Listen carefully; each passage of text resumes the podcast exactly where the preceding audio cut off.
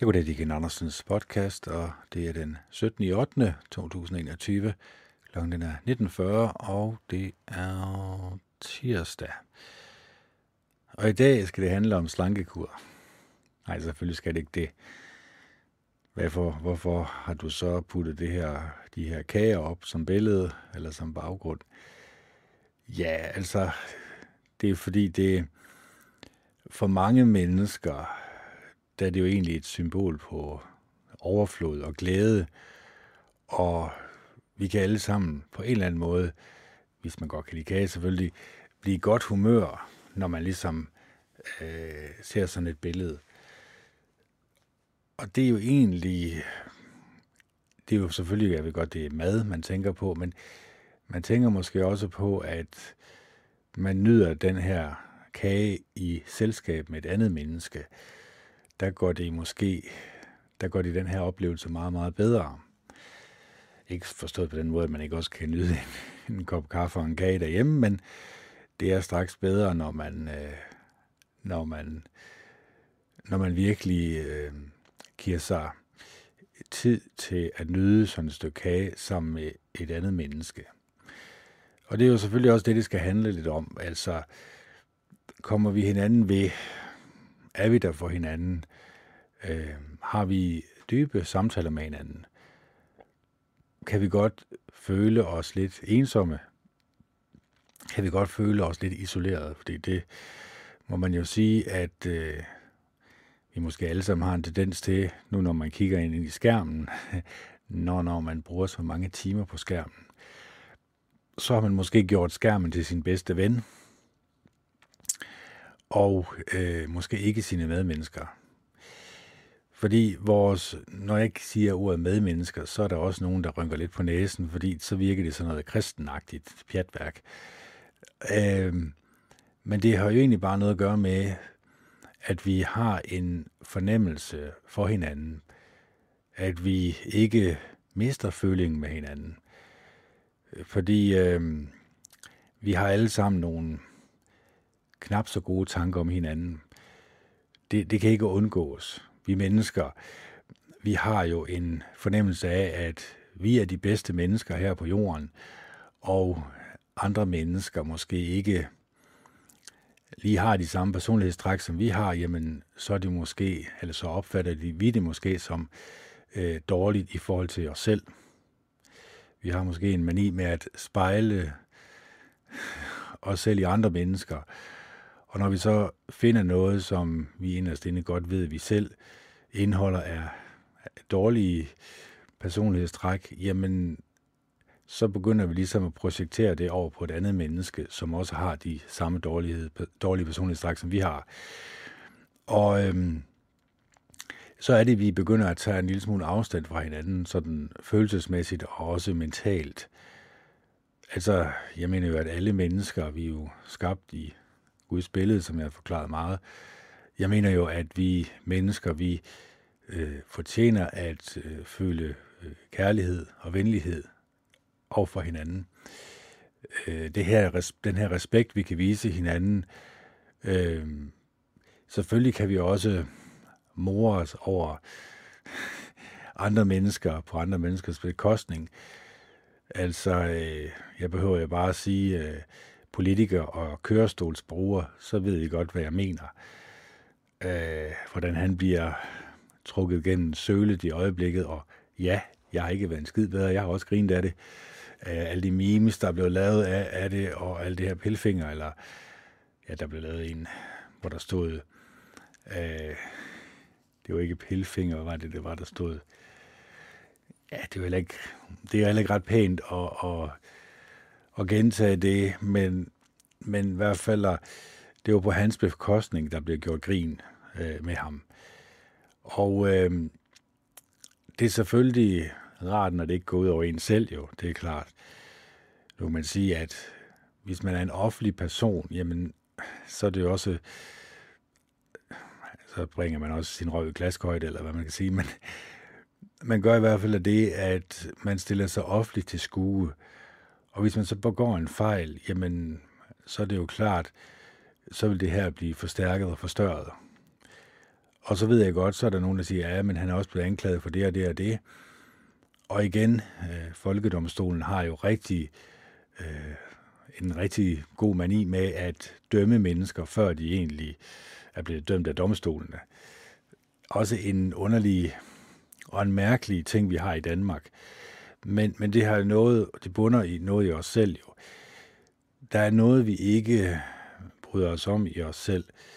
Der er nogle ting, nogle tendenser i os, nogle tankemønstre, som vi ikke bryder os om i os selv, men vi, begynd, vi, vi, vi vil ikke tage hånd om det her. Vi vil ikke begynde at arbejde på os selv. Det er der ikke rigtig nogen af os, der vil.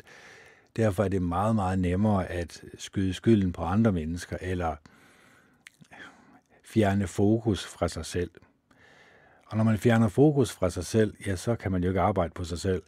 Så skal man jo heller ikke regne med, at man bliver et bedre menneske af den grund. Snarere tværtimod måske. Det kan være, at man bliver mere kold og kynisk over for sine medmennesker. Det kan være, at man lader nogle tendenser komme ind i sin egen personlighed, som er mindre hensigtsmæssige. Og øh, det er jo også det, min podcast handler lidt om, og nu kan vi sige, at den bog, vi har i gang med, øh, Kærlighedens Alkemi, den forklarer jo lidt om, nu ved jeg godt, det er meget med parforhold at gøre, men den forklarer lidt om de dybere liggende problemer hos os mennesker. Og den her dybt indgroede fejl, vi alle sammen går rundt med, nemlig det, at vi bestemt ikke ønsker at arbejde på os selv. Vi ønsker bestemt ikke, at vi skulle kunne få øje på nogle fejl hos os selv, øh, og så komme til den konklusion, at vi skal rette dem selvfølgelig. Og når ingen mennesker gør det, jamen hvad sker der så? Ja, så bliver vi måske mindre vi har i hvert fald mindre tendens til at, øh, at kunne vise de mere positive menneskelige egenskaber.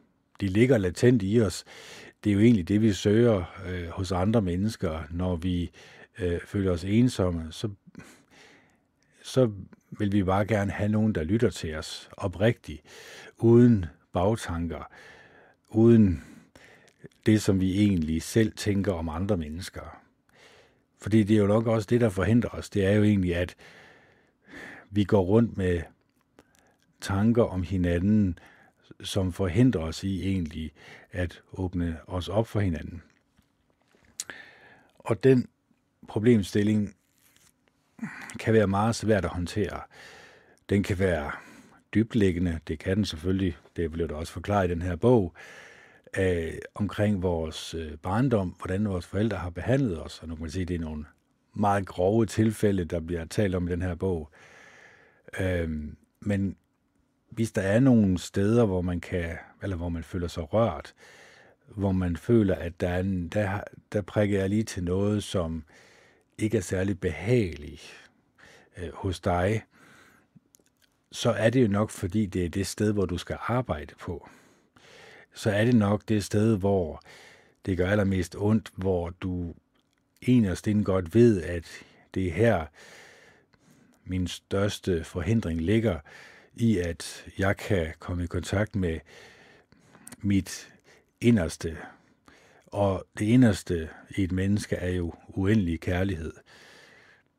Så det her med at vise uendelig kærlighed er utrolig svært for os alle sammen, fordi vi mangler jo eller vi har distanceret os øh, fra hinanden ved hjælp af samfundet, ved hjælp af egentlig hinanden, som har været politibetjente op i tankerne imod hinanden. Fordi vi ved jo godt, at hvis vi opfører os på en bestemt måde, jamen så bliver vi dømt af samfundet. Så bliver vi dømt af andre mennesker. Vi ved også godt, at vi har en måske lidt snæver syn på, hvad der er et menneske, som opfører sig pænt og ordentligt. Og så kan man sige, hvis der er nogen, der stikker lidt ud, eller nogen, som ikke lige er, som vi er, jamen, så kan man grine af vedkommende, så kan man håne vedkommende, så kan man også have den her fornemmelse af, godt det ikke er mig. Og øh, det er jo igen, man projekterer, man gør jo egentlig det, at man skubber problemet væk fra sig selv. De fleste mennesker, de er jo blevet opdraget på en bestemt måde, det er jeg jo også. Men opdragelsen stammer ikke kun fra vores forældre. Det stammer jo også fra samfundet. Det stammer jo også fra, hvad vi putter ind gennem øjnene og ørerne, vores uddannelser. Det stammer jo også fra radio og tv. Og det stammer jo også fra det, jeg kalder skraldespanden. Og skraldespanden, nu kan jeg kun definere min egen skraldespand, og så kan jeg prøve at definere jeres. Det er jo egentlig de ting, vi beskæftiger os med, det vi putter ind gennem øjnene og ørerne, som har en negativ indflydelse på vores humør, øh, på det at være og gerne vil være et næstekærligt menneske.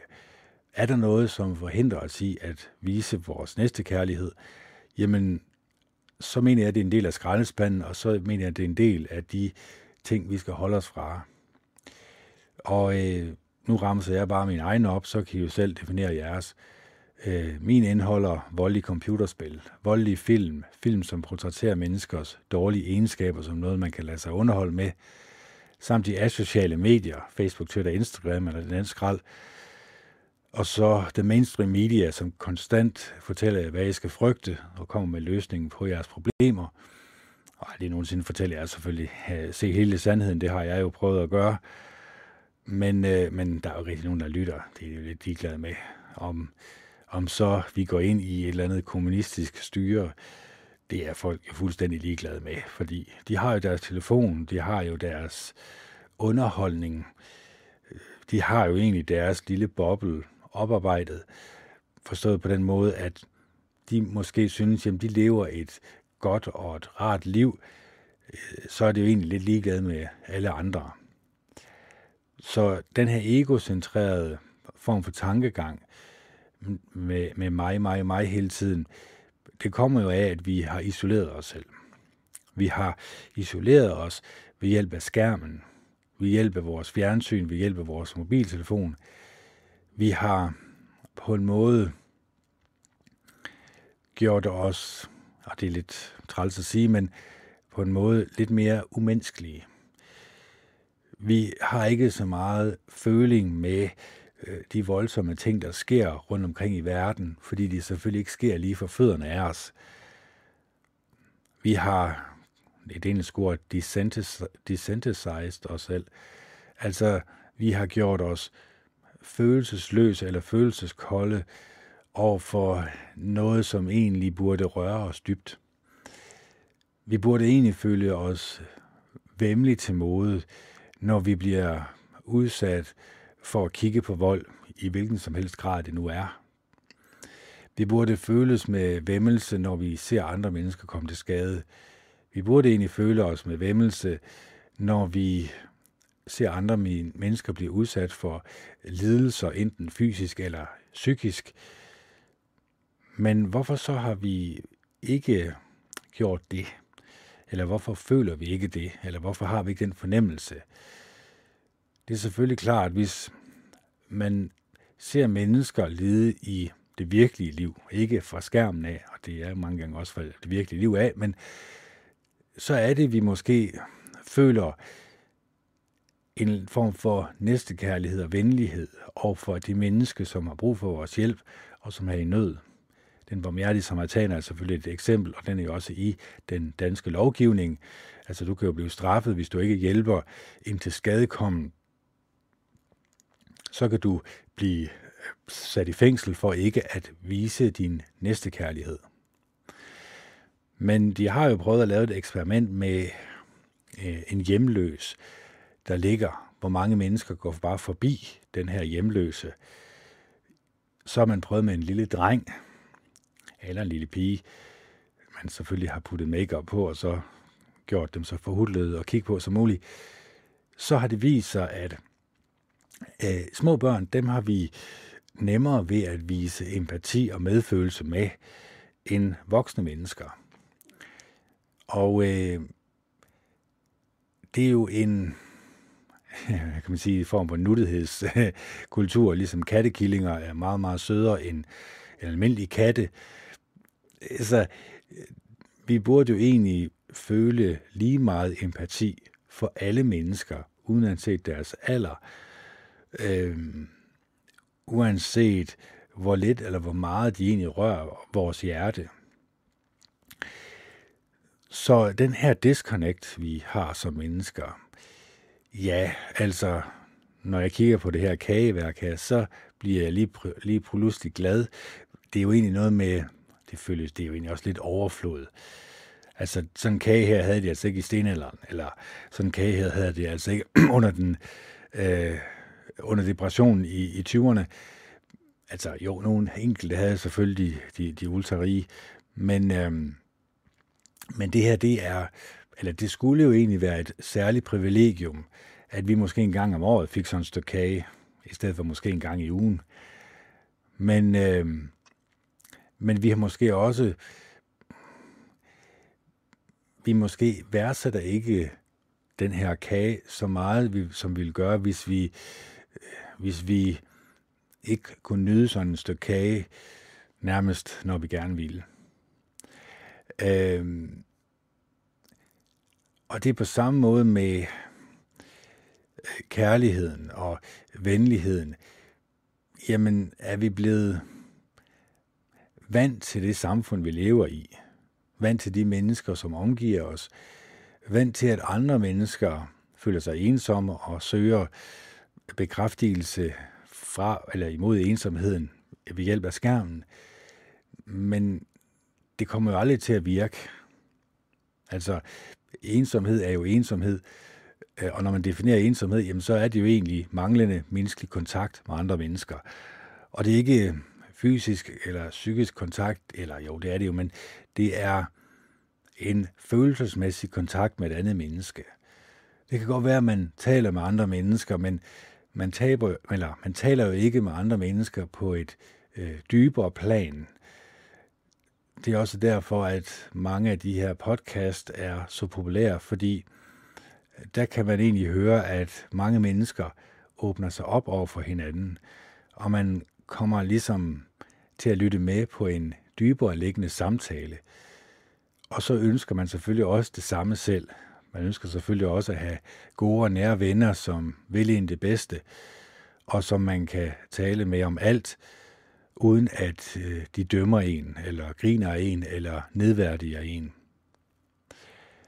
Så øh, vi mennesker, vi, vi kan nemt komme på et sidespor. Nu har jeg talt meget om meditation, at jeg mener, at det at meditere en gang hver dag en times tid, nu er det selvfølgelig også måske lidt svært, når man går på skole samtidig med, men kan man sætte en time af, hvor man ligesom kobler hovedet fra, hvor man ligesom får styr på sine tanker. Så kan man begynde at åbne sit inderste op og for modtagelse og afgivelse af kærligheden. Og, og kærligheden, jamen, den definerer os jo som mennesker. Det er jo derfor, at samfundet ikke er kollapset endnu, må man sige, men hvis man ser fra, eller hvis man ser fra øh, billeder fra Kabuls lufthavn, ja, så kan man godt se, at det er ikke lige den, det sjoveste sted at være i verden. Og så hører jeg at kunne hjælpe med, at, øh, at der er nogen fra det nu afhængige, både journalister, som siger, jamen, øh, eller som får at vide, at når ja, men øh, Øh, det Taliban, som kommer til magten, er jo ikke nær så grusomme, øh, som det, der var før. Eller det er jo, er det ikke Taliban? Eller hvad er det? Al-Qaida, jeg kan ikke huske nogen af dem, men de er jo alle sammen trænet i USA for at destabilisere et land. Jo, det ved vi også godt alle sammen. Det er vi ikke... Det har, og det har jeg også forklaret til hudløshed i mange, mange af mine andre podcasts, så det er der ingen grund til at gå i dybden med. Men den her notion med, at de mennesker, som har magten over os, øh, som sidder og dikterer, hvad vi kan få lov til at få at vide igennem nyhederne. De ønsker selvfølgelig at forme vores hjerne og hjerte i en bestemt retning. De ønsker selvfølgelig, at alle mennesker skal lide dem. Alle mennesker skal overgive deres magt øh, til dem. Det vil jeg også sige, at de fortæller jo ikke sandheden. Det er noget, der giver sig selv. De fortæller jo ikke den enorme fare, som danskerne er under, og om ikke ret lang tid kommer endnu dybere under. De fortæller jo ikke, at de har planlagt en lockdown her til efteråret, hvor at, øh, hvor at øh, de mennesker, som ikke er vaccineret, de vil få et armbind eller noget lignende, sådan at militæret kan identificere dem, og så tage dem til de her lejre, som de er ved at bygge. Det kan man jo bare, hvis man ikke tror på, slå øh, Lars Andersens interview op med den her frømand fra militæret, som fortæller, at øh, de er i øjeblikket ved at finde ud af, hvem inden for militæret, som vil eller som frivilligt går med til at bygge de her lejre for de her mennesker, som ikke er vaccineret. Og så har vi det om og om igen. Det er den samme historie, som gentager sig selv, når man ikke er klar over øh, den fare, som det er at give andre mennesker magten over en. Det har det altid været op igen verdenshistorien. Det, det, er den samme, det er det samme manuskript, de bruger hver gang. Man kalder det bread and circuses. Altså give befolkningen brød eller kage og underholdning, cirkus, jamen så kan du egentlig gøre med dem, hvad du gerne vil. Og øh, det aller, allerbedste, du kan gøre, det er jo egentlig at skabe et voldeligt samfund. Ikke forstået på den måde, at folk de er voldelige, når de går ud af døren, men at de lader sig underholde med vold. Det er noget af det allerbedste. Underhold med sport er jo også en form for skubben væk. Altså, de vil hele tiden skubbe fokus væk fra sig selv. Og det er derfor magthaverne, de er så geniale til at gøre det. De har gjort det i mange tusind år. De har skrevet tykke bøger om det. De ved, hvordan de skal manipulere mig og dig. De ved, hvordan de skal få dig til at diskutere ting, som er fuldstændig ligegyldige, men som du synes er de vigtigste emner i verden. De ved godt, hvordan de skal dele mennesker op i et samfund, sådan at enten er du for, eller også er du imod, og så kan du diskutere det her og blive godt og grundigt vrede på hinanden.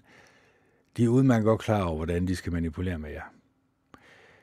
Og øh, det har jeg jo prøvet at afsløre de sidste 7-8 år i de her 12-1300 podcast. Men jeg er udmærket godt klar over, at det er en op ad bakke ting, jeg har sat mig for. Fordi jeg ved jo godt, at uanset hvad jeg siger og gør, eller knipser med fingrene, eller råber og skriger, det gør jeg selvfølgelig ikke, så vil I aldrig nogensinde ændre sind alligevel. Altså, de fleste mennesker, desværre, de går jo rundt og er ikke særlig selektive med, hvad de putter ind gennem øjnene og ørerne. Det har jeg også været i mange år, og jeg har også, jeg skal indrømme, det bliver man nødt til at være den første at indrømme, jeg har også haft en tendens til det. Altså, jeg kan også lade mig underholde med ting, jeg også udmærket godt ved, er ikke gavnligt for mig. Det er ikke noget, som er oprunderne for mig. Det er ikke noget, som øh, skaber et bedre humør i mig. Det er ikke noget, jeg bliver glad og lykkelig af indvendigt. Og når man så begynder at analysere det fra skraldespanden, jamen, så har det jo meget at gøre med de negative menneskelige egenskaber. Og når man begynder at analysere det og siger, jamen jeg vil ikke beskæftige mig med mennesker, som er jaloux over for hinanden, mennesker, som, i det især i skuespillerverden, viser negative menneskelige egenskaber som noget, jeg kan lade mig underholde med, ja, så er det jo faktisk måske hele dit liv, du skal lægge om, eller i hvert fald alt det, som du før troede var gavnligt for dig, det kan godt være, at du skal slukke for det, og begynde at tænde for noget mere positivt i dit liv. Fordi jeg ønsker dig, at du skal være glad og lykkelig, have et godt og et rart liv, fyldt med gode og rare oplevelser. Og når du så i din alderdom har fået at vide af mig, at øh, jamen, du behøver ikke at bekymre dig så meget om døden, fordi vi får alle sammen opstandelse. Det ligger helt fast. Det har Jehova Gud den Almægtige sørget for. Hvordan kan jeg sige, at Jehova Gud han eksisterer? Det har jeg også talt meget om. det er egentlig meget simpelt at bevise, at Gud han eksisterer. Altså, vi er cirka 6,8 milliarder mennesker her på jorden. Vi stammer jo alle sammen fra det samme sted. Vi stammer alle sammen fra et æg og en sædcelle, som stammer fra et æg og en sædcelle, som stammer fra et æg og en sædcelle, osv., osv., osv. Det vil sige, at vi stammer fra noget, som du kunne placere på toppen af knapnåls hoved. Det kunne du så også placere på toppen af knapnåls hoved. Det er vores far og vores mor. Ja, det kunne du så også placere på toppen af knapnåls hoved. Det er vores bedstefar og bedstemor. Og så videre, og så videre, og så videre. Ja, det ser jeg jo som rimelig intelligent lavet. Ham, der har skabt det hele, han hedder Jehova Gud den Almægtige. Han vil meget gerne have, at du og jeg begynder at søge ham. Fordi hans hellige ånd, det er der, hvor kærligheden kommer fra. Det er indbegrebet af kærligheden. Men vi bliver nødt til at frasortere alt det skrald fra skraldespanden og begynde at fokusere aktivt på at rense vores hjerter og sind for alt det her skrald, før vi egentlig kan begynde at fokusere på, jamen, hvad gør mig glad og lykkelig? Hvad kunne oprigtigt få mig til at føle en næstekærlighed over for mig selv, og især over for andre mennesker? Ja, jeg bliver jo nødt til at beskæftige mig med andre mennesker, som har det på samme måde, som jeg har det. Andre mennesker, som søger det gode i andre mennesker. Andre mennesker, som vil mennesker det bedste. Og det tror jeg også, at du og jeg gerne vil. Jeg tror inderst inde, at vi gerne vil have, at andre mennesker skal have en god og rar oplevelse af os. At vi skal være vældigt. At vi gerne vil have, at andre mennesker øh, tænker gode og rare tanker om os. Og ja, selvfølgelig, vi kan ikke, vi kan ikke styre andre menneskers tanker, og vi skal nok også prøve at lade være med at tænke på, hvor meget andre, eller tænke på alt for meget, hvor meget andre mennesker tænker på os og om os, og hvordan de tænker på os og om os. Fordi vi kan ikke styre andre menneskers tanker. Jeg kan ikke være tankelæser, så jeg har jo ikke på nogen måde mulighed for at vide, hvad mennesker de tænker om mig. Men jeg kan jo skabe en grobund for, at jeg som menneske udvikler mig til et endnu bedre og mere næstekærligt og venligt og ydmygt og mildt menneske for hver dag, der går. Et menneske, som tænker sig om, inden vedkommende taler. Jeg håber selvfølgelig, at min tale er opbyggende og opmuntrende, men jeg er selvfølgelig også godt klar over, at jeg også falder i, ligesom alle mulige andre gør. Fordi at vi skal jo også more os lidt på andre menneskers bekostning. Vi skal jo også lige kigge på vores skærm en gang imellem, fordi den kan jo skabe et smil på læben, som det er sjældent andre mennesker, som sidder direkte over for os, kan gøre. Så øh, vi har jo... Jeg tror ikke, vi er klar over, hvor meget vi egentlig er inde i den her form for matrix. Altså at komme ud af den. Jeg er ikke ud af den, bare rolig. Altså, jeg prøver på det hver dag, men jeg kommer ikke ud af matrixen. Det, det, det gør jeg ikke.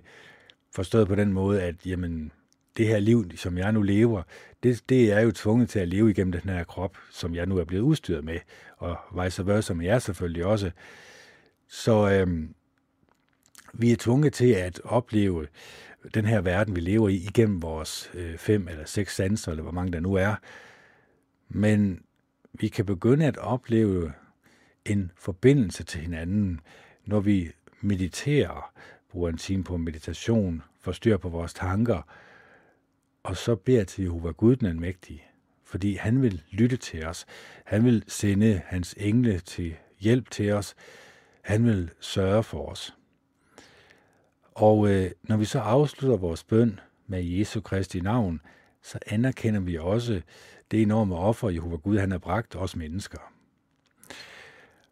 Og øh, det er egentlig det, det handler om, at vi får tro på, at Jehova Gud han har oprejst Jesus Kristus fra de døde, og at vi tror på, at han har oprejst ham, og ikke kun oprejst ham, men også, at han, øh, Jesus Kristus, nu er i himlen hos hans far, Jehova Gud den Almægtige. Det er sådan set det eneste, vi skal tro på. Så ved jeg godt, at mange vil sige, at ja, men du er også øh, til Jehovas vidner, så du kan også sige det her meget, meget nemt. Men det er jo ikke nemt for mig at sige, jamen, den organisation, styrer mennesker i en forkert retning, fordi den skaber ikke grobund for, at mennesker kun beskæftiger sig med det at være næstekærlig og venlig, og ydmyg og mild. Det burde den jo egentlig gøre. Hvis man skal følge i Jesu fodspor, så mener jeg jo også, at man skal udvise så næstekærlig og venlig og ydmyg og mild en personlighed som overhovedet muligt, så nytter det jo heller ikke noget, at man fylder sit hjerte og sind med det, der kommer fra vagtårnet op, fordi det handlede meget om Armageddon, om den her kæmpestore krig, hvor øh, alle mennesker, som ikke tjener Jehova Gud, bliver tilindegjort, og så der kommer der et paradis, og hurra, og helt fantastisk. Det er jo ikke noget med næstekærlighed at gøre. Det mest næstekærlige, det vil jo være at lære sine medlemmer kun at være næstekærlige, og kun at have næstekærlige tanker, og ikke have de her meget dårlige tanker om sine medmennesker. Fordi det skaber jo en splid. Det skaber jo en separation, så at sige. Og det er det, som Jehovas vidner gør. De, de separerer jo os og dem, og så er det os, der kommer med, og dem, der kan blive ladt i stikken, så at sige. Og den, den eksklusion, tror jeg desværre ikke skaber bedre mennesker. Jeg tror desværre, at det skaber mennesker, som igen går med skjulte bagtanker, når de møder andre mennesker. Og det er dem her skjulte bagtanker, jeg gerne vil have rykket op med rode. Og den eneste måde, jeg har kunne finde ud af, hvordan gør jeg det på, jamen det er jo ved at sige nej tak til organisationen, og så ja tak til selv at tage hånd i hanke om, hvad jeg får ind gennem øjnene og ørerne. Selv bestemme, hvad jeg får ind gennem øjnene og ørerne. Det er øh, så utrolig vigtigt, at vi er meget selektive med, jamen hvad er det i virkeligheden, jeg egentlig putter ind gennem øjnene og ørerne? Er det noget, som hjælper mig med til at være mere næstekærlig, mere venlig over for mine medmennesker? Er det noget, som er opmuntrende og opbyggende? Er det noget, som får mig i et bedre humør, et, et bedre humør, end jeg var øh, i går? Er det noget, som får mig til at smile og være glad og føle, at jeg gerne vil dele ud af øh, min indre livsglæde til andre mennesker? For hvis det ikke er det, så er det ikke noget, jeg beskæftiger mig med. Så er det noget, jeg tager afstand fra. Så er det noget, jeg siger nej tak til. Og jeg vil opfordre dig til at gøre det samme. Det er ikke for at sige, at jeg har svaret på det hele, men det her med, at man laver den her frasortering, det kan jeg garantere for, vil hjælpe utrolig meget på dit og mit humør. Fordi når vi først begynder at arbejde i en mere positiv retning, når vi begynder at arbejde på at skabe positive tanker i en positiv grobund inde i os selv, så skaber vi også grobund for, at der kunne komme næste kærlige og venlige ord ud af vores mund. Men det kræver selvfølgelig også en indsats fra min side, fordi jeg er godt klar over, at det er meget nemt for mig at sidde og snakke en times tid om næste kærlighed og alt det her. Men når man så møder mig i virkeligheden, jamen, så gør jeg mig måske også lidt til ligesom alle andre mennesker, som også kan grine af øh, andre mennesker, som kommer til skade, og andre mennesker, som øh, ja, øh, gør sig til grin og sådan nogle ting. Nu har det selvfølgelig noget at gøre med det, man kommer fra, det man kigger på øh, skærmen, ikke også, og det man får igennem skærmen, som man kan grine af. Og det kan man jo sige, jamen hvad skade kan jeg tage af det? Ja, jeg kunne jo tage den skade, at jeg også viser, at hvis et andet menneske kommer til skade eller gør sig til grin øh, direkte over for mig, at jeg så også kommer til at grine af vedkommende direkte, og ikke bare sidder bag en skærm. Jeg kunne jo gøre mig ufølsom over for et andet menneske. Og den her ufølsomhed over for hinanden er jo meget, meget nemt at opnå, når vi alle sammen er afhængige af den her skærm. Så hvor mange timer bruger vi på at tale direkte til hinanden, og hvor mange timer bruger vi på skærmen? Det er mange gange det, der definerer, hvem vi er som menneske hvad der kommer ud af munden på os som menneske. Er det opmuntrende historier? Har vi noget opmuntrende at sige? Har vi noget positivt at sige? Har vi noget opløftende at sige? Noget, der kan berige andre menneskers liv og føle, føle dem, eller føle, at de får dem til at føle, at de har bedre kontakt med det menneske, som taler med dem. Den her medmenneskelige kontakt er så utrolig vigtig. Fordi at hvis jeg kommer til dig og tilbyder dig sådan et pænt stykke kage, og du så siger nej, ellers tak, så kan jeg nok ikke undgå at blive en, eller føle mig en lille smule skuffet. Det kan jo være, at du ikke kan lide kage. Det kan være, at øh, det, som jeg godt kan lide her, jeg kommer med det, den her fine stykke kage til dig, det er ikke noget, du bryder dig om. Så føler jeg mig på en eller anden måde, jeg mig ramt personligt. Men det er selvfølgelig også forkert af mig, og det kan du jo ikke gøre for. Altså, du skal jo heller ikke sige, nå ja, for at undgå, at jeg føler mig stødt på manchetterne eller såret, jamen så tager jeg et stort stykke kage, øh, selvom jeg ved, at jeg er sukkersyg. altså, men selvom man ikke har sukkersyge, fordi det kan man jo bare sige som undskyldning, eller sige, at sige som undskyld, det lyder også lidt hårdt, øh, at man kan sige det som en grund til, at man ikke kan tage imod den her kage, så kan jeg også sige, nå ja, så, så, så kan jeg bedre forstå det. Men at det, at man ikke kan lide kage, det, det, det, der er sådan en disconnect i min hjerne. Jeg kan slet ikke, jeg kan slet ikke rigtig forstå, hvad der er, der foregår. Øhm, men, men jeg bliver jo også nødt til at acceptere, at andre mennesker er anderledes, end jeg er. Eller nogen af i hvert fald. Og dem vil jeg jo sådan på en eller anden måde kategorisere som lidt mærkelige, lidt underlige, lidt, lidt off. Og det er også forkert af mig. Det skal jeg også lade være med. Jeg skal lade være med hele tiden at stille mennesker i båse, eller dømme mennesker, eller sige, at mennesker er sådan og sådan, fordi at de nu ikke kan lide kage, eller hvad det nu kan være, eller de har en anden, anderledes mening, end jeg har. Så for at vi kan komme tættere på hinanden, så bliver vi nødt til at acceptere hinandens forskelligheder.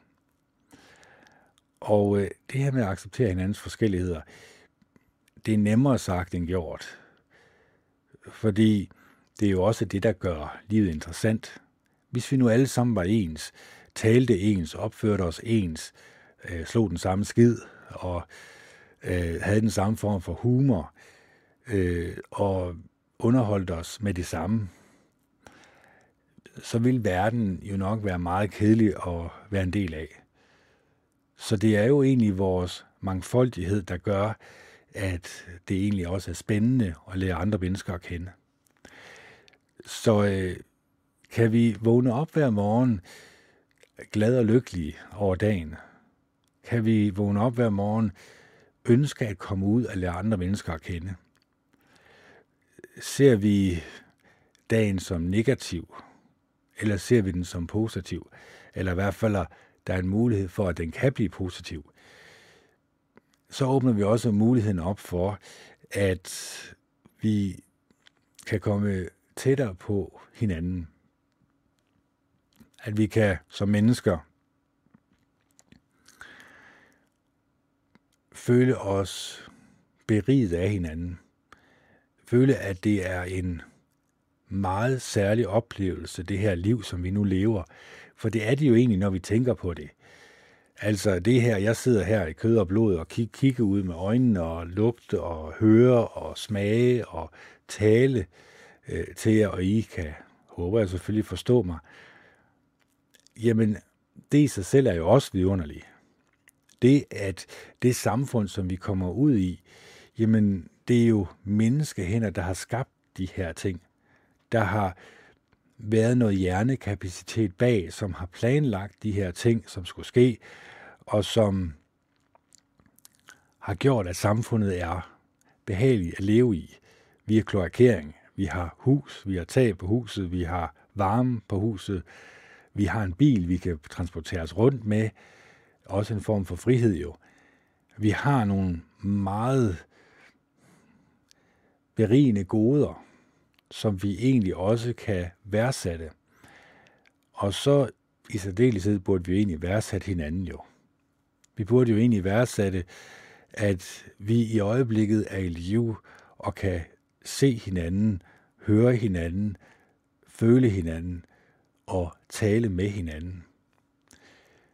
Og så ved jeg udmærket godt, at der vil altid være en eller anden form for barriere, og den har, man kan sige, det er ikke dig, der skal tage skylden for den, fordi den er jo blevet indprintet i dig, den er blevet indprintet i mig, fra barnsben af, og fra teenageårene, hvor man egentlig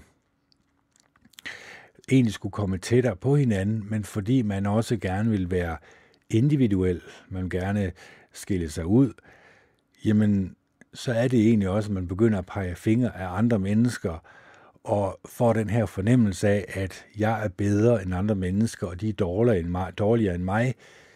Jeg øh, synes, jeg er meget pænere at kigge på i spejlet, end, end vedkommende er. Eller prøv at se hendes røv, eller prøv at se hendes øh, grimme patter, de sidder skæv. Eller, altså, alle de her dårlige tanker, som kan skabe afstand til hinanden, det er jo det, som jeg håber på, jeg kan øh, skabe en lille smule splid imellem. Jeg kan putte en lille kile imellem, og så begynde så småt at vrikke lidt til den måde, du egentlig ser på dig selv på og andre mennesker. At du måske også kan komme til den konklusion, ligesom jeg har for mange år siden, at jeg bliver nødvendigvis nødt til at arbejde på mig selv, for at skabe grobund for, at jeg er åben over for de mennesker, som jeg møder. Og det er ikke en nem opgave, jeg har gjort mig, fordi jeg har også et privatliv. Jeg har også noget, som jeg holder tæt ind til mig selv. Jeg har også noget, som, ja, man kan selvfølgelig sige, der er nok ikke meget, jeg ikke har talt om i de her podcast. Det, øh, ja, hvis man er heldig eller uheldig at, at finde nogle af mine podcasts for tidligere, ja, så vil man nok godt høre, at når man taler i en eller to timer, så kan det ikke undgå, at man kommer til at give meget af sig selv. Men det har også fået mig til at føle mig mere fri, at jeg kan henvende mig til jer på en god og ordentlig måde, og ja, jeg er så også udmærket godt klar over det, det er altså ikke en dialog, det er en monolog, så ja, om I kan lide mig eller ej, det kan jeg jo ikke rigtig gøre noget ved. Men jeg, eller det kan jeg jo sådan set, jeg kan jo forme min personlighed sådan, at jeg i hvert fald skaber en større chance for, at øh, så mange mennesker som muligt godt kan lide mig og min personlighed. Det er ikke forstået på den måde, at alle mennesker kommer til at kan lide mig, fordi vi er jo forskellige, og vi har det her for teenageårene, hvor vi har på en eller anden måde skulle sørge for, at vi er individuelle, og så skal vi jo egentlig skubbe andre mennesker væk, fordi vi kan jo ikke inkludere, eller vi kan jo ikke tage alle mennesker ind i vores hjerte, kan vi vel? Jo, det er faktisk det, vi kan. Vi kan faktisk godt, uanset øh, hvordan mennesker de opfører sig, uanset hvordan mennesker de er, deres personlighed, så kan vi faktisk godt, som Bibelen siger, elske vores fjender. Fordi der står jo, at vi elsker dem, der elsker os.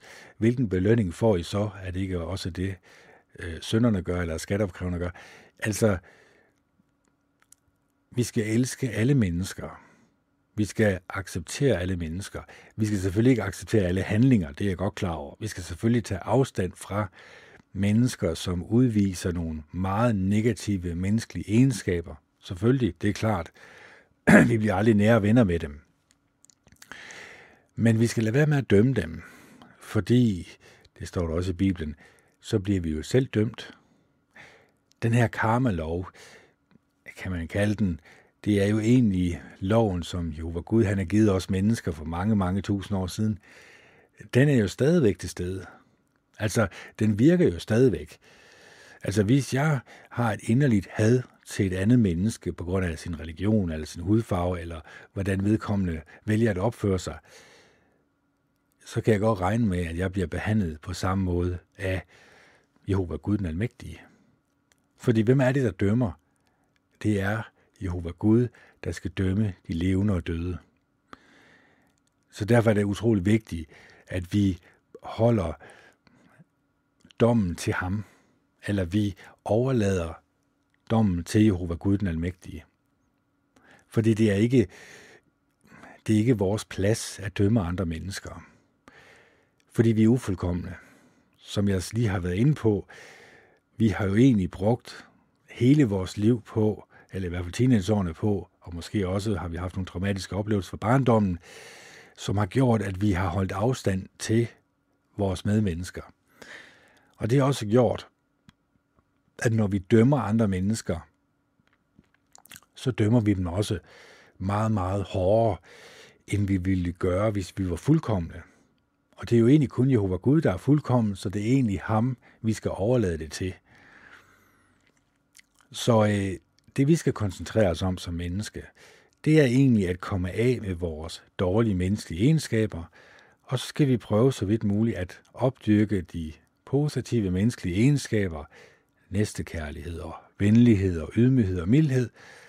De her positive egenskaber, at have et mildt sind betyder selvfølgelig også, at man kan beherske sig selv, at man kan tale med autoritet, men selvfølgelig også stille og roligt til et andet menneske. Man ikke lader sig ophisse af, at et andet menneske har en anden mening end en selv, men at man stille og roligt prøver at forklare, hvordan man mener, eller hvordan ens egen mening er om det her. Og så kan man jo overlade det til vedkommende selv at reagere på den måde, man så udtrykker sig på. Og så kan man jo ikke gøre andet. Så kan jeg jo ikke begynde at vride armen om på et andet menneske, for at det her menneske skal have den samme mening, som jeg har. Det er heller ikke sådan, det skal fungere jo. Så derfor, vi skal elske alle mennesker, uanset deres baggrund, uanset deres hudfarve eller race, eller deres personlighed, uanset deres mening om tingene. Fordi det er jo kærligheden, der skal overvinde det onde. Det er ikke det onde, der skal overvinde kærligheden. Så hvis man går med det i tanke, at som der står i Bibelen, i Noras dage, der så Jehova Gud ned på jorden, der så han, at alle menneskers tanker var onde dagen lang. Så det var lidt en advarsel til os i dag. Går vi rundt med onde tanker dagen lang? Eller bruger vi tid og energi på at ligesom sortere det her fra, det her skrald fra skraldespanden fra, og begynder vi at tænke mere på kage i stedet for. Tænke på de ting, som gør os virkelig lykkelige som menneske. Der gik den 48 minutter. Det var da helt utroligt. Som igen, han gik knæver uden at sige noget. Mm. Sjovt, men vi skal altså lige have Ja, skal vi ikke det? Jo, vi skal lige have lidt kærlighedens alkemi. Det kan også godt være, at den kommer til at vare to timer, den her. Ah, kendt. Ja, det kan godt være. Øh, vi er kommet til forkastelse af jeget, forkastelse af kærligheden. Jeg skal lige lidt længere ned i her. Og, og så skal jeg også lige huske at øh, skifte over. Jeg kan være lige meget med den der, fordi sådan der. Vi kan stadigvæk se kagen, så det er dejligt. Kan du virkelig lide den kjole? Jeg synes, den får dig til at se fed ud. Skal vi lige lade den synke igen? Øh, hmm. Stan blev fuldkommen forvirret, da han som nybagt ægtemand gav sin kone et kompliment. Jeg sagde til hende, at jeg synes, at hun havde gjort et godt stykke arbejde midt eller andet i huset. Hun afbrød mig lige som bare og begyndte at tale om noget andet – så spurgte jeg hende, om hun havde hørt, hvad jeg lige havde sagt, og hun sagde, komplimenter betyder ikke rigtig noget for mig. Og hun talte videre. Stan sagde, at han ville være blevet virkelig nedtrykt, hvis han havde vidst, at dette blot var begyndelsen på et fortsat mønster med ikke at blive hørt.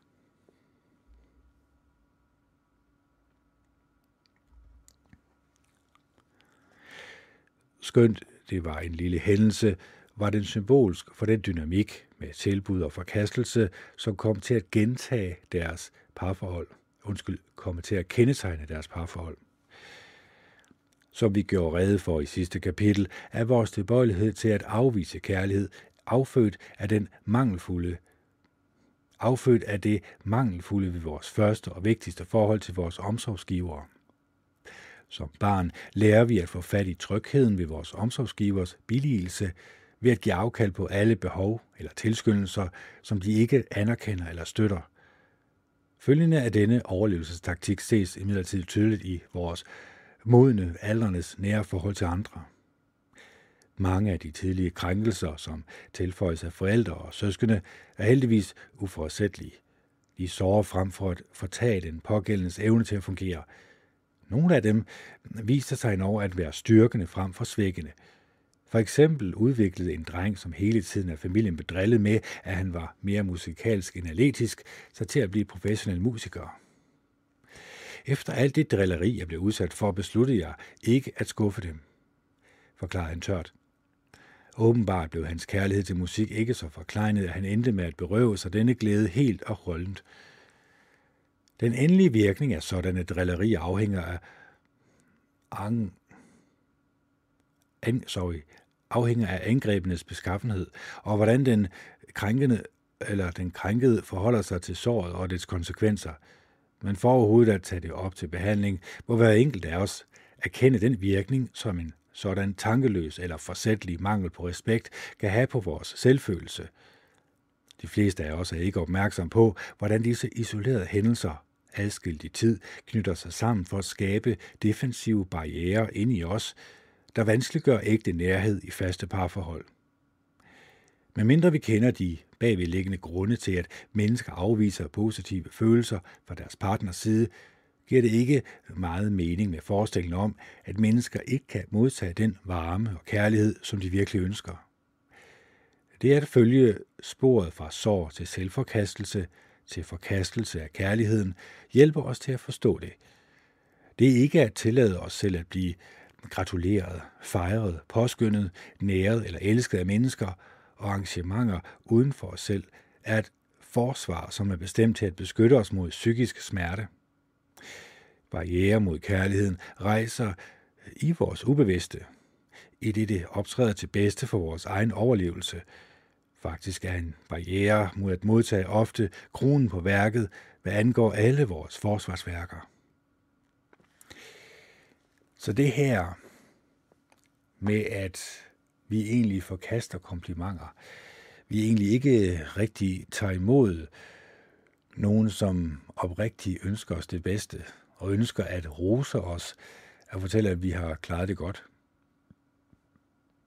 Kan den her forkastelse, kan den her afvisning have noget at gøre med øh, vores opdragelse, de ting, vi har oplevet i fortiden? Kan de have haft nogle traumatiske brandmærker inde i os, som egentlig gør, at vi nægter at modtage komplimenter?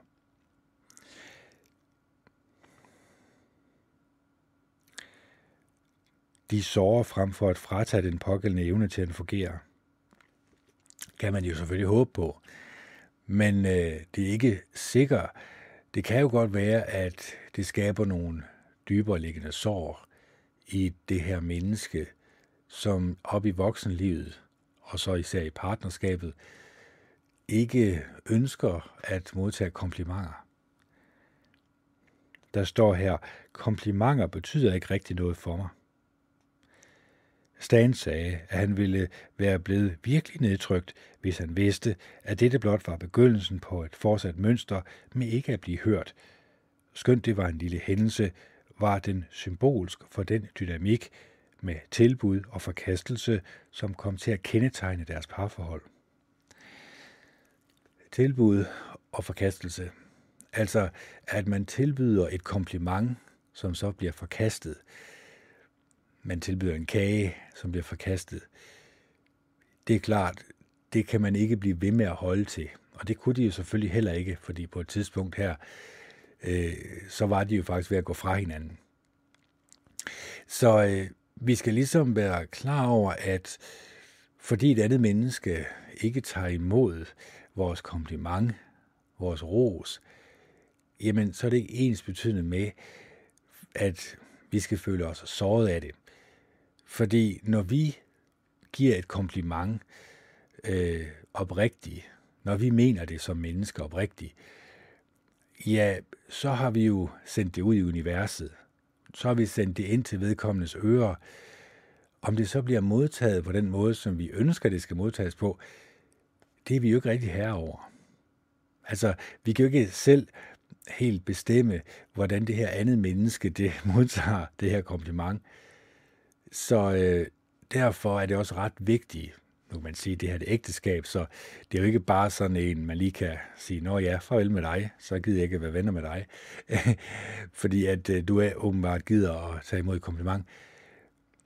Så er man jo lidt låst fast her, og det var han også, han sagde, at hvis han havde vidst det her fra starten af, så havde han jo nok følt sig endnu mere såret, når han vidste, eller han ikke vidste, hvor meget han egentlig skulle gå igennem, hvor mange gange han egentlig skulle blive forkastet. Fordi det er jo sårende første gang, det er sårende anden gang, men til sidst så bliver det jo et mønster, som ikke er særlig behageligt. Og så kan det jo ikke undgås, at man på en eller anden måde, hvis man tager det her til hjerte, med at man ikke, øh, eller øh, at, at partneren ikke modtager det her kompliment ordentligt, som man mener, at komplimentet skal modtages, så på et eller andet tidspunkt, jamen, så bliver man jo træt, og så kan man jo faktisk komme til at hade sin partner i stedet for. Og det her had kan jo vokse i sådan en grad, at det til sidst ender i skilsmisse. Så for at undgå det, så skal vi også være klar over, at vi som mennesker kan gå rundt med nogle traumer, som vi ikke selv kan få øje på. Vi er måske ikke opmærksomme nok på, hvad det er, vi i virkeligheden siger til hinanden. Hvordan reagerer vi på det, der bliver sagt? Er vi virkelig klar over, at når det kæreste, vi har, det må jo være vores kæreste, eller vores partner, eller vores ægteskab, eller hvad det nu er, jamen, så må det jo også betyde noget for dig. Ellers så er det jo meningsløst at være i et parforhold. Så fordi det ikke betyder noget for dig, jamen så er det jo ikke sikkert, at det ikke betyder noget for din partner. Så derfor synes jeg jo, at du skal være særlig opmærksom på, hvad er det i virkeligheden, din partner siger til dig. Det er jo bare et kompliment. Altså, hun kunne jo have undgået det her ved at sige, tusind tak for det kompliment. Det vil jeg virkelig værdsætte, eller det værdsætter jeg virkelig. Det kunne hun jo have sagt. Altså, jeg ved godt, hun, kunne jo ikke, hun har jo ikke ment det, det er jeg godt klar over. Men så han da i hvert fald opfattet det som om, at øh, så han i hvert fald ikke gået rundt og havde, havde haft sårede følelser i alle de her år. Så øh, det her med, at vi måske er lidt for tankeløse over for hinanden. Vi er knap så gode til egentlig at fange, når vi ligesom skal være omtænksomme når vi skal tænke os om, inden vi taler, som der står her. Kan du virkelig lide den kjole? Jeg synes, den får dig til at se fed ud. Det er selvfølgelig ikke, ja, jeg skulle være klar over, det, det er selvfølgelig ikke noget, man siger. Altså, nu bliver det skrevet ned her, men det vil jeg jo også som mand vide, jamen det vil jo såre, altså det, det er jo klart, det vil såre dybt det her. Og så skal man ikke lige frem regne med at få en, øh, en kage og en blowjob der den aften i hvert fald. Det må man selv lægge råd med. Sjovt øhm, så derfor er det utrolig vigtigt, at man måske ikke, og det ved jeg godt, det er jo også lidt noget værd noget, men at man ikke er ærlig i alle ting. Det står der i Bibelen, vi skal være. Vi skal være ærlige i alle ting, men at være eftertænksomme, at man ligesom fornemmer, jamen siger jeg de her ting, så vil det såre min partner dybt, fordi så vil jeg jo sige til hende, at jamen, det er jo ikke kjolen, der får dig til at se tyk ud, det er den kæmpe store røv, du render rundt med. Og jeg vil helst gerne have, at du egentlig gik i gang med at slanke dig selv, så at du kunne være lige så slank, som, lige så slank og smuk, som da jeg mødte dig. Det vil jo igen, det er der jo nogle mænd, der mener, at man skal snakke på den måde, men den, den måde er jeg så ikke lige opdraget med. Og, øh, og det er også igen, hvorfor skulle man tale på en sårende måde, når man kan tale på en god og ordentlig måde til hinanden? Fordi hvis man elsker vedkommende, jamen, så ønsker man jo også at sige tingene på en pæn og god og ordentlig måde. Man kan jo sige, at jeg synes, at du ser rigtig smuk ud i den kjole. Synes du den og den og den? Jeg synes, du ser rigtig smuk ud i den kjole der. Det er min mening om det. Og så egentlig, kan man sige, overlade det til hende at modtage komplimentet. Det er ikke sikkert, hun modtager det. Det er ikke altid, der, det sker. Men man kan i hvert fald være så oprigtig som muligt og sige, jamen jeg synes, du ser smuk ud i den kjole. Lad det være med det. Og øh, jeg ved godt, det er et vinefelt, jeg går ind på nu, og det er meget nemt for mig at sidde her, øh, hvor jeg ikke har en kæreste, som sidder og afbryder mig hele tiden og øh, modsiger mig. Det er utrolig nemt at, øh, at være skrivebordsindianer, som man siger, eller skrivebordstomat. At ordne verdenssituationen bag et kamera i sin dagligstue, ja, det kan enhver jo gøre. Øh, det er straks sværere, når man skal leve med et andet menneske, som man selvfølgelig ikke ønsker at såre. Man elsker vedkommende så meget og så højt, at man selvfølgelig gerne vil have, at der er en rolig atmosfære i sit hjem, at hjemmet er fyldt med kærlighed, en kærlig atmosfære, altså at man føler, at man kan tale med hinanden om alt, men man er selvfølgelig også klar over, at man skal prøve at give udtryk for sin mening på så god og konstruktiv en måde som overhovedet muligt, øh, sådan at ens partner kan forstå en, men også kan forstå en så meget, at hun ikke føler sig såret, fordi hvis vedkommende føler sig såret, så lukker vedkommende selvfølgelig af. Og det er klart, så finder jeg jo ikke en løsning på hendes øh, store mås. Sjov kendt. Øhm, nu skal du også passe på, Kent. Nu tror jeg også, den er ved at være der. Den er en time og to minutter. Jeg kunne godt tage to timer, men øhm, ja, jeg skal nok også holde igen. Jeg er også ved at være sulten af at kigge på det kageværk her. Så øhm, skal det ikke bare slutte her? Jo, det synes jeg. Så skal vi forbinde prikkerne næste efter. Men der står her, vi kan lige tage det sidste her, med mindre vi kender de bagvedliggende grunde til, at mennesker afviser positive følelser fra deres partners side, giver det ikke mig en mening med forestillingen om, at mennesker ikke kan modtage den varme og kærlighed, som de virkelig ønsker. Det er at følge sporet fra sorg til selvforkastelse, til forkastelse af kærligheden, Hjælp os til at forstå det. Det er ikke at tillade os selv at blive gratuleret, fejret, påskyndet, næret eller elsket af mennesker og arrangementer uden for os selv. Er et forsvar, som er bestemt til at beskytte os mod psykisk smerte. Barriere mod kærligheden rejses i vores ubevidste, i det det optræder til bedste for vores egen overlevelse, faktisk er en barriere mod at modtage ofte kronen på værket, hvad angår alle vores forsvarsværker. Så at tænke lidt dybere over de her ord, tror jeg i hvert fald kunne hjælpe mig til at være mere eftertænksom.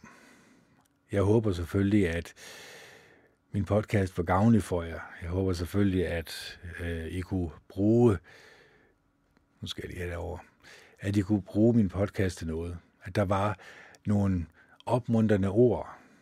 Jeg håber selvfølgelig ikke, at det gik alt for tæt på, men jeg håber selvfølgelig også, at det gik så tæt nok på, at I ligesom også kunne danne jeres egen mening om det, jeg siger. Så håber jeg selvfølgelig også, at I er villige til at i mindre eller større grad begynde at være meget frasorterende med de ting, som kunne have en negativ indflydelse på jeres humør, på, øh, på jeres medmenneskelighed, på jeres personlighed. Og så håber jeg selvfølgelig også, at jeg gør det samme. Det er også det, jeg gør. Det er også derfor, jeg gør de her, eller laver de her podcasts så mange gange, som jeg nu gør. Det er jo fordi, jeg er udmærket klar over, at jamen, jeg bliver også påvirket af samfundet, jeg bliver også påvirket af skraldespanden, jeg bliver også påvirket i en negativ retning. Så derfor bliver jeg nødt til at have noget ballast som en modvægt, øh, sådan at langt de fleste tanker, jeg har, skulle gerne være positive tanker om mig selv og andre mennesker. Og så håber jeg selvfølgelig også, at I har de samme positive tanker om jer selv og andre mennesker også. Så jeg håber, at I elsker hinanden og er gode og rare ved hinanden. Det er det, jeg kendte Andersen, der signer off. Det er den 17. 8. 2021. kl. er 20.45. Og det er... Var det tirsdag? Jo, det er tirsdag, ja. Hej hej.